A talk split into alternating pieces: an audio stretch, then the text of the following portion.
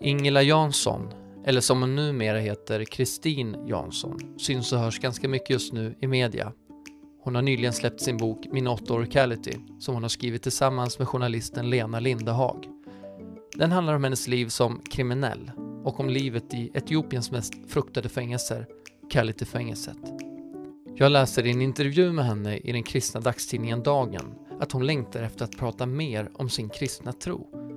Jag visste inte ens att hon var en kristen, men vad passande tänkte jag som precis har lanserat min podd i ämnet. Välkommen till det här avsnittet av En kristens resa.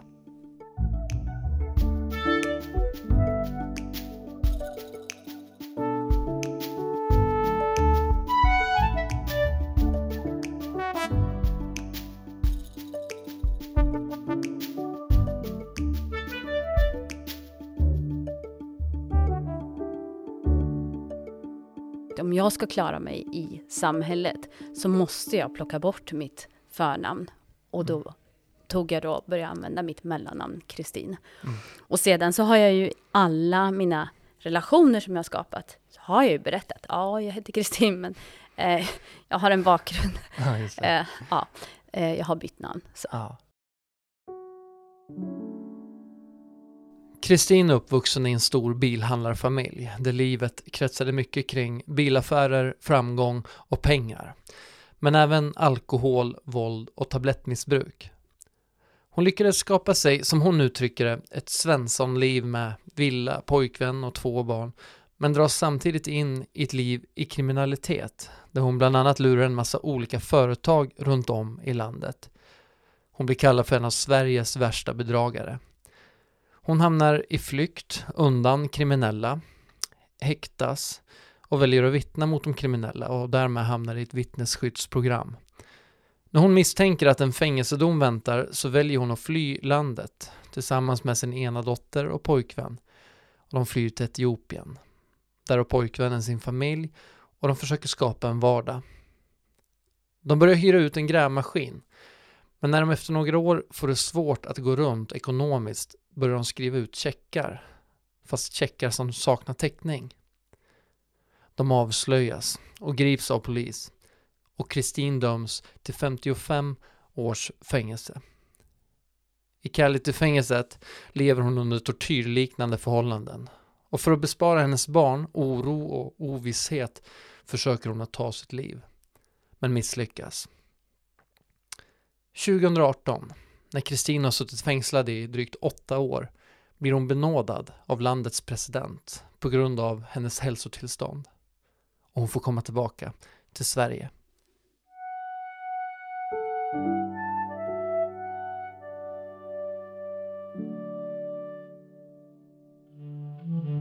Välkommen Kristin till min podd. Tack så mycket. Du har sagt i nå- något sammanhang att du längtar efter att prata mer om din kristna tro. Mm. Eh, och jag undrar varför. För att den är så viktig. Gud är så viktig. För eh, alla. eh, jag tror att eh, han är den enda som kan hela. Han är den enda som kan hjälpa oss på den sanna vägen. Eh, jag har sett hans mirakel. Jag eh, har lovat honom att om jag någonsin kommer levande ut ur Cality så ska jag eh, prisa honom och berätta om hans mirakel. Eh, jag har lovat att föra talan eh, för mina medsystrar i Cality vidare. Och då spelar Gud jättestor roll. Dina systrar, vilka var det? Oj. Massa tjejer där nere i, i Cality som... Eh, det finns de som, som gick bort. Det finns de som blev otroligt sjuka men som överlevde. Det finns de som blev sjuka, släppta men inte hade någonting och låg nakna på gatan efter Cality och inte hade hem, inte hade hittat Gud, inte hade någonting. Mm. Ehm, men får jag fråga, när, när kom Gud in i bilden? Han...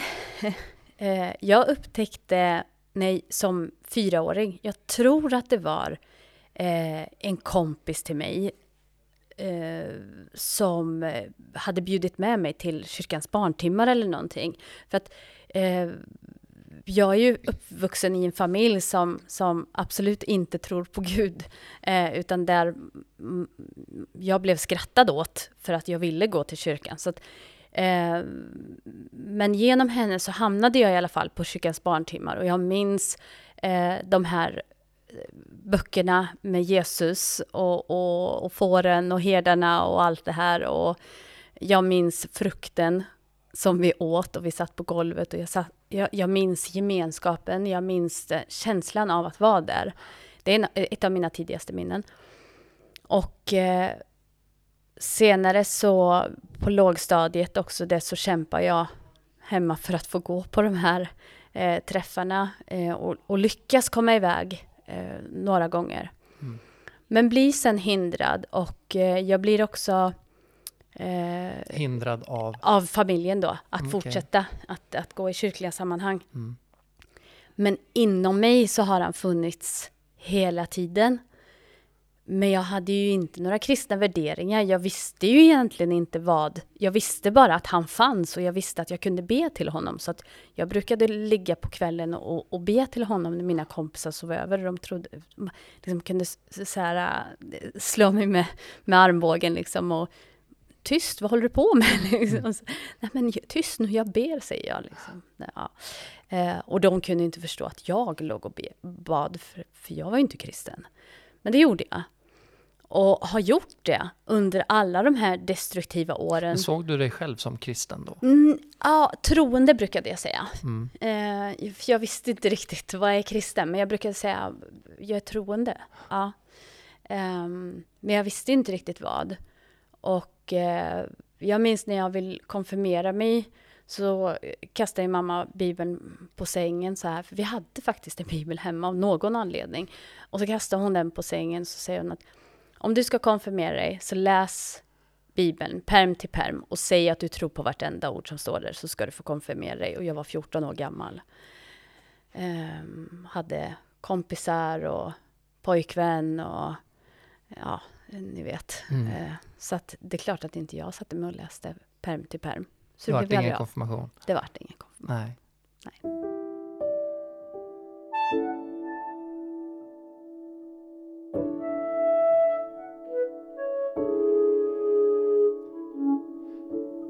Kristin hamnar alltså med sin dotter i Etiopien, långt hemifrån och med en pojkvän som hon mer och mer måste tippa på tå för eftersom han är aggressiv och våldsam.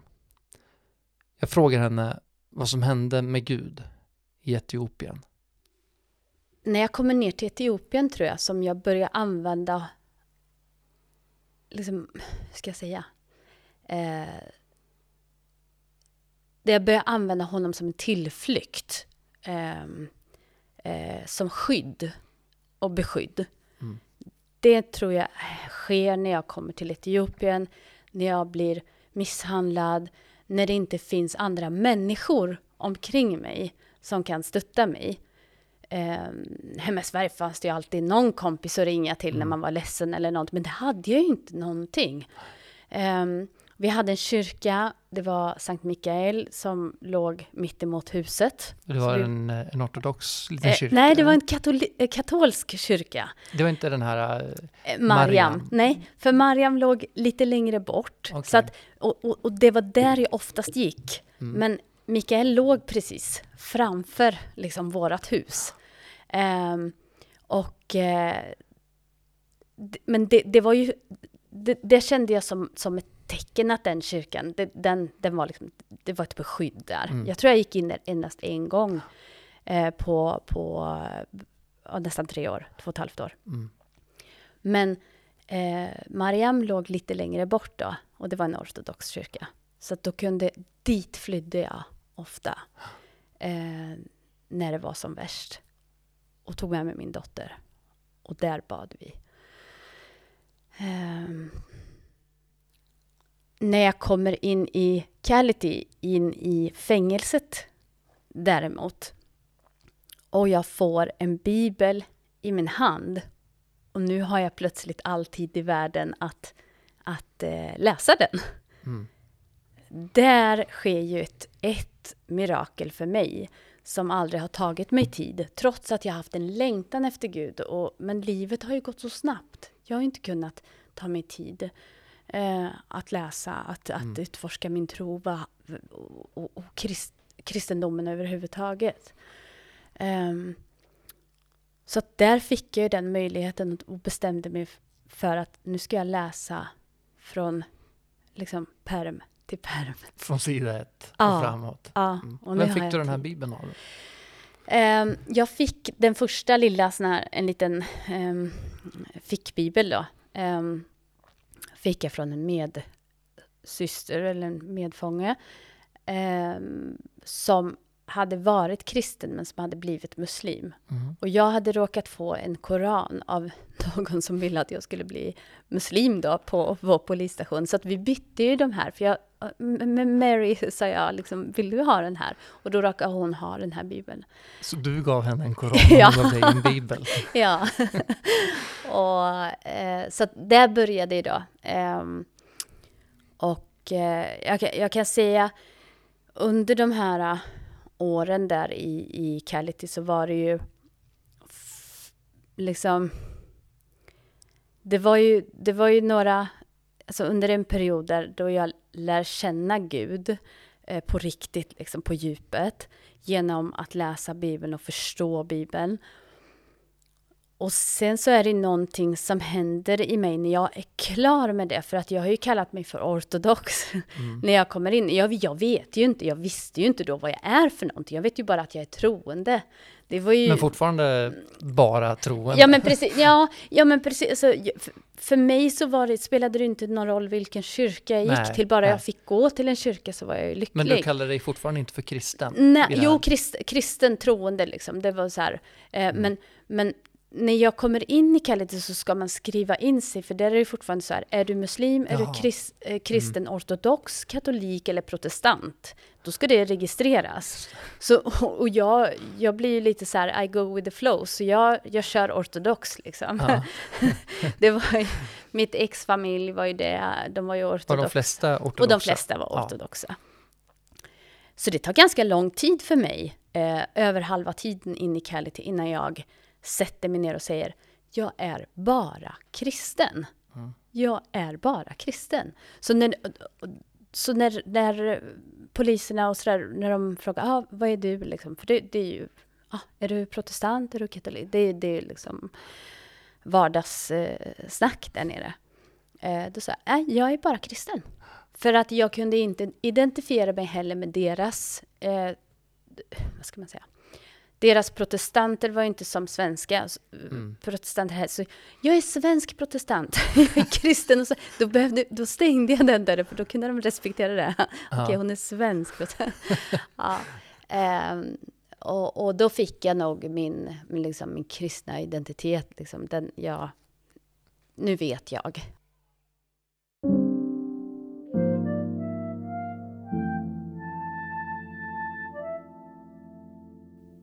Jag märker att Bibeln har betytt mycket för Kristin. Och hon citerar Psaltaren 118 för mig. Lita inte på mäktiga män, utan har en tillit till Herren. Jag hade läst den här versen många, många gånger. Men så en dag så förstod jag vad den betydde. Att, för att i mina böner så bad jag Eh, God Gud, gör så att, eh, ja vi kallar honom David som är i boken. Gör så att David kommer imorgon och att han kommer att eh, ta med sig pengar till mig. Eller gör så att hans familj eh, kommer så att de tar med sig pengar till mig så jag kan köpa vatten och jag kan köpa tvål och så kan, då kan jag be på det sättet. Eh, jag litade alltså på människan fortfarande. Trots att jag verkligen har läst Bibeln och jag tror och jag ber och jag fastar och, och, och allt där. Men så, så liksom, det blev så tydligt för mig att men herregud, han vet vad jag behöver. Mm. Och så tror jag att jag... Jag kommer ihåg då... ehm, jag var jättesjuk, jag har, har tid hos läkaren och dagen efter och ska åka iväg till sjukhuset. Och Jag bara känner att jag håller på att ge upp. Mina tofflor, de var trasiga. De, jag hade lagat dem så många gånger, det gick inte mer för det är ju plast. Det, det går ju att sy ihop någon gång med plasttråd. Men till slut så går det ju inte att laga dem fler gånger. Eh, underkläder och, och, och tvål och tang. Jag hade ingenting och jag hade ingen vatten. Jag, jag bara, och så bad jag på kvällen så snälla gode Gud, du vet vad jag behöver. Du vet precis vad jag behöver och jag behöver det. Snälla, jag ber dig liksom. Hjälp mig och jag lägger det här nu. Du, du vet mm. vad jag behöver. Liksom. Så åkte jag iväg dagen efter, åker iväg till sjukhuset, kommer tillbaka. Eh, vid lunchtid kommer man alltid tillbaka. Um, kommer dit och så står det en kvinna på precis på trappen liksom upp till våran dorm eller vad man nu ska säga, sal då. Um, de kallar ju mig Angelina där nere. Angelina, Angelina, säger hon. Det, det, det är någon som har lämnat något till dig, säger hon. Så håller hon upp liksom en fullproppad påse eh, med alltså, precis det jag behövde ha. Alltså precis det jag behövde ha. Det var tvål, det var trosor, det var tofflor, mm. det var bindor. Ja, men, så. Och så, eh, och så hundra bur. Och hundra bur, då, då, köper jag liksom två paket vatten för det. Det är tolv flaskor vatten.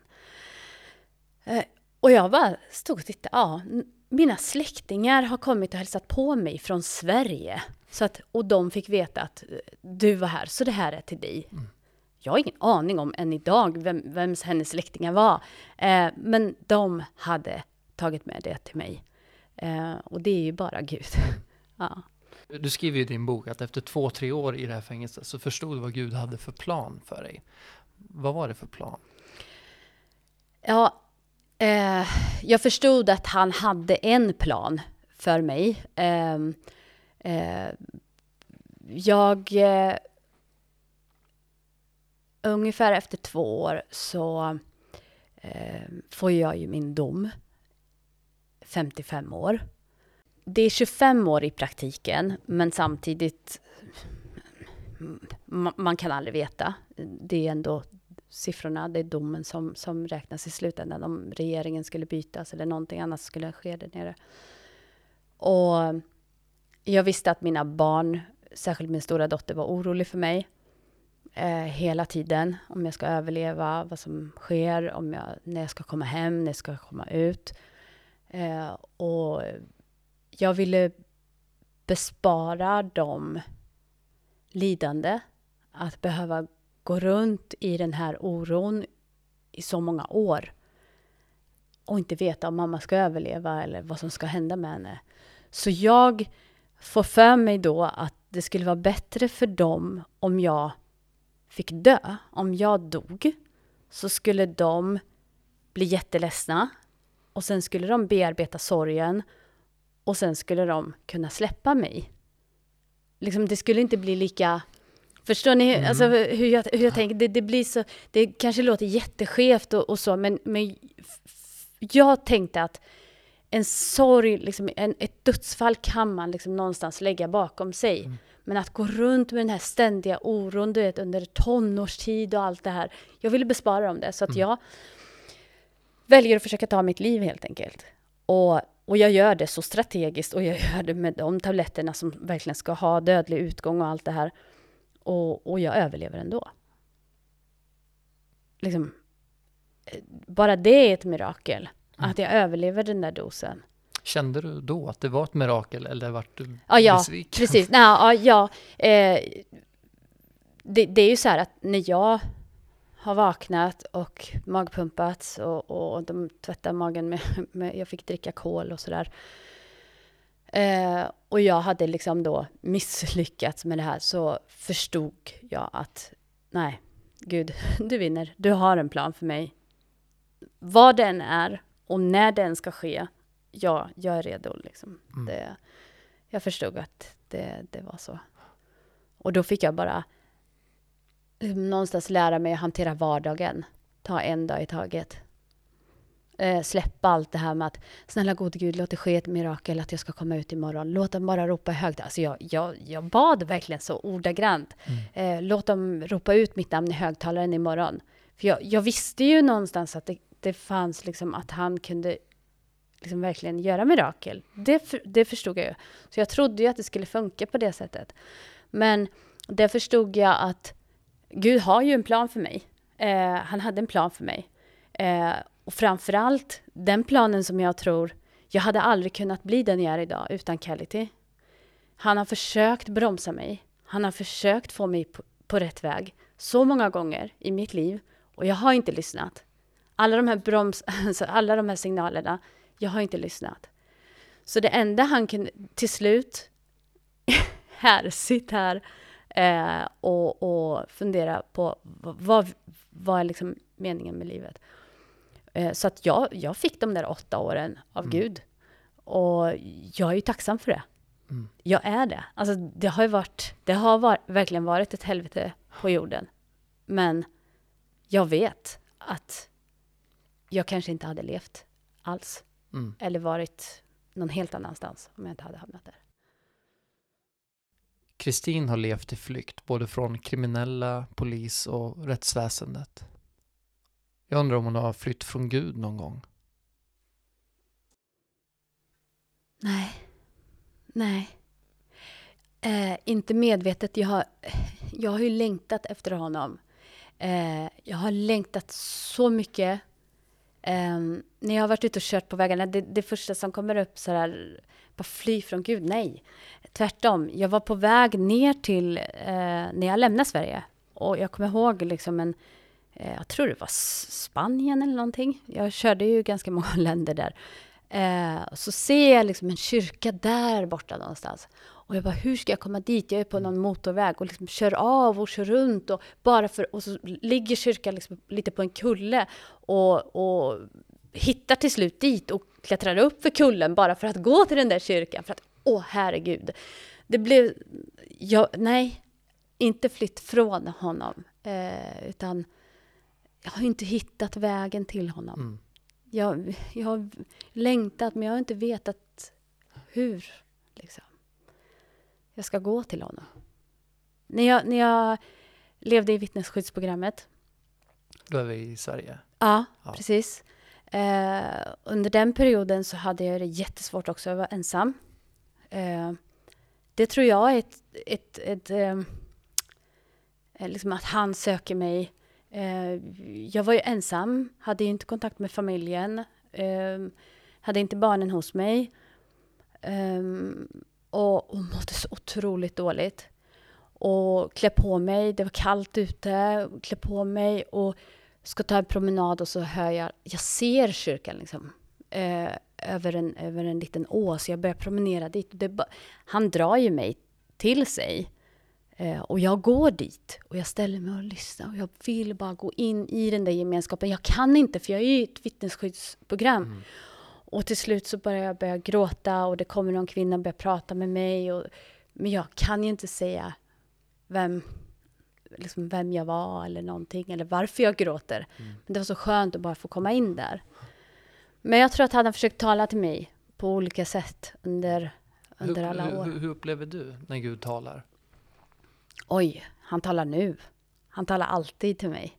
Eh, eh, nej men i allt. Eh, idag så ser jag ju allt. Jag ser precis allting som, som han gör. Jag, jag avfärdar inte en, en dröm. Eh, jag avfärdar inte en känsla.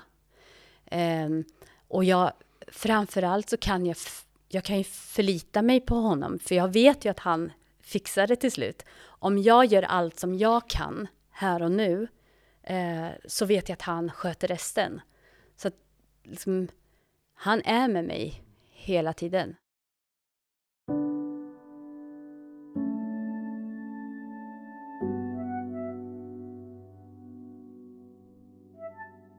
Efter åtta år blir Kristin benådad av presidenten och äntligen får hon komma till Sverige. Min podd fokuserar ju på hennes inre resa med Gud hur fortsätter den nu när hon kommit hem? Det där är också jätteintressant, för att då tänkte jag liksom att ja, nu ska jag hem till Sverige, nu ska jag till, eh, till, till Gud. Jag ska inte leva det, det här världsliga livet igen och jag ska ja, eh, vart ska jag ta vägen? Ja, jag skulle inte bo för nära barnen, för jag skulle inte störa dem. Det var en överenskommelse eh, med, med nära då. Att jag skulle inte vara för nära, liksom för att röra till saker och ting. Men jag ville heller inte vara för långt borta. Och så tänkte jag, vart hittar jag mycket kyrkor? Ja, men Jönköping, det blir bra. Så det blir ju, då drar jag till Jönköping. Och, och eh, jag hade ju ingenstans att ta vägen, jag hade ingenstans att bo, jag hade ju absolut ingenting. Jag gick till socialen och de tittade på mig. Vad gör du här? Alltså vad, vad är det som får dig att tro att vi skulle ta emot dig här? Men jag, jag är ju svensk. Alltså, mm. Svenska systemet har ju förändrats jättemycket på 11 år. Um, det finns någonting som heter vistelsebegrepp och jag ska stå inskriven någonstans för att kunna få hjälp uh, som svensk. Um, vilket lät jättekonstigt för mig. Men det fick jag förstå då. Och, så jag går ju till kyrkan istället, direkt då. Uh, och, och, jag kommer inte ihåg vilken av dem det var. Det är väldigt diffust där de första dagarna. Jag har sovit väldigt lite och sådär. Chocktillstånd. Men kommer in där i kyrkan och uh, förklarar min situation och säger att jag behöver någonstans att landa. Eh, precis kommit från liksom, åtta år i Afrikas, eh, ett av Afrikas värsta fängelser. Men de kunde inte erbjuda mig någonting, eh, något boende eller någon... De tackade för besöket och, och så. Och då trodde jag att hopp, då var det väl meningen att det skulle vara jag och min personliga relation med Gud. Det var lite märkligt. Men eh, vad jag gjorde var att förlita mig på att det, han, alltså allting har sin tid. Och, och eh, så att jag har, jag har inte, hade, hade då inte sökt mig till någon församling. Men jag gick till kyrkan i princip varje söndag. Men efter gudstjänsten gick in, satte mig, bad. Eh, och, och Alltså du, du, kom till kyrkan först efter att gudstjänsten hade varit? Ja, precis. Ah, okay. ja. Dels för jag, jag var lite osäker, ville inte bli igenkänd. Mm. Eh, eh, det kändes bättre att bara... Jag har ju blivit avvisad när jag äntligen mm. kommer hem till Sverige. Äntligen kommer in i en kyrka och säger här är jag och nu vill jag vara, liksom, leva som en kristen. Mm. Och blir avfärdad. Okej. Okay liksom, jag passade väl inte in då. Mm. Det, ja, den där osäkerheten som kom tillbaka. Men jag visste vart jag hade Gud. Och det var det enda som var viktigt för mig. Jag förstod inte att en församling kanske kommer en dag kunna ha betydelse för mig. Um, utan det viktiga var att jag inte släppte min relation med Gud. Uh, och jag har hållit det. Och jag ber och, och hemma min sambo säger Eh, be för oss nu BBC. Mm. Han är själv inte riktigt eh, där än, men, men han vet att när jag ber så då men, eh, mår jag bra. Är kyrkorummet viktigt för dig? Det... Ja, jag tror... Visserligen så har det ju varit sen jag var liten att liksom jag sökt mig just till kyrkan. Eh, kyrkan som sådan, inte kyrk, alltså kyrkan församlingen, utan kyrkan som sådan mm. har, har, varit så betydelsefull. Det, jag tror att det var liksom enda stället som jag kunde känna mig bekväm. Alltså någonsin under alla år, hur dåligt, vilket dåligt skick jag än var i. Kom jag in till kyrkan så kunde jag känna frid mm. i hjärtat. Och det där har ju följt, följt mig liksom. Och så var jag i Kality då i åtta år och hade inget, alltså ingen dörr att stänga. Jag hade, det fanns ingen kyrka, det fanns, och, och jag kunde ibland så här, ja, men man blir ganska duktig på att mentalisera när man är i kvalitet. Och, och så jag brukade drömma mig bort och, liksom, och, och visualisera att jag befann mig i en svensk kyrka. så att det där blev jätteviktigt och i början när jag eh, kom hem och fortfarande då hade och var i Mariestad, för jag hamnade ju där sen en stund. Och eh, då stack jag upp till, på, på, när jag har börjat praktisera och så jobba sen så då sticker jag upp till eh, kyrkan på lunchen. Käkade liksom en liten lunch utanför kyrkan, gick in, bad och så gick jag iväg mm. igen. Men fortfarande inga gudstjänster? Fortfarande inga gudstjänster. det är Eh, jag har smygtittat lite sådär på Youtube och, och, andra grejer. Jag har absolut inget emot det, eh, just det. Men jag var väldigt, jag, blev, jag hade blivit avvisad. Det satte spår hos Kristin att ha blivit avvisad. När jag frågar om hon har kommit över det svarar hon att det har hon och berättar att för bara en månad sedan lät hon döpa sig just i den kyrka som vi har vår inspelning. För det var ju, det var ju så otroligt viktigt för mig att få eh, döpa mig. Um, Varför då?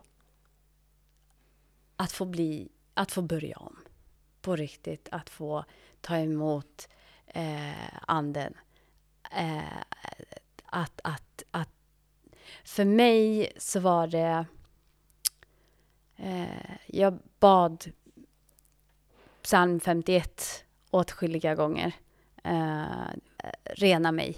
Eh, eh, och, och, där jag ber om förlåtelse för mina synder och överträdelser och, och verkligen bett den så helhjärtat och gråtit och gråtit och det kändes någonstans som att om jag blir döpt så då blir det bekräftat att jag blir förlåten av Gud. Att då kommer han eh, att, att ge mig en ny chans att rena mig. Och när jag är döpt, då vill jag re, liksom verkligen leva i renhet. Så eh, under hösten så tänkte jag, men nu har jag varit hemma i snart tre år. Varför har jag inte döpt mig än? Varför? Jo, men det är, och så kommer jag tillbaka till, jo men det var ju för att församlingen vill inte ha mig. Det, det, här, mm. det, för det är ju det är inte bara att döpa sig, man måste, det måste finnas någon församling, det måste finnas en, pass, en präst, en pastor som, som döper mig. Eh, så började jag ju tänka i de banorna lite att jag skulle åka då till eh, pastor Jonas som besöker mig i Kality, för han är ju i Sverige och verksam. Började tänka lite i de banorna. Men eh, ja, Gud han har lett mig till den kyrkan jag är idag. Uh, i, och uh, när jag såg uh, liksom sättet de döper på i den här kyrkan så förstod jag att det var det jag hade sökt. Att få gå ner i, i vad säger man, dopgraven. Dopgraven. Då. Mm. Att, att få bli nedsänkt för det kändes som att, åh gud, jag får gåshud. eh, då, då bli av med det gamla. En gång för alla. Och få komma upp ur vattnet som en ny person, fylld av den heliga anden. Eh, och det var precis så mäktigt som jag hade föreställt mig.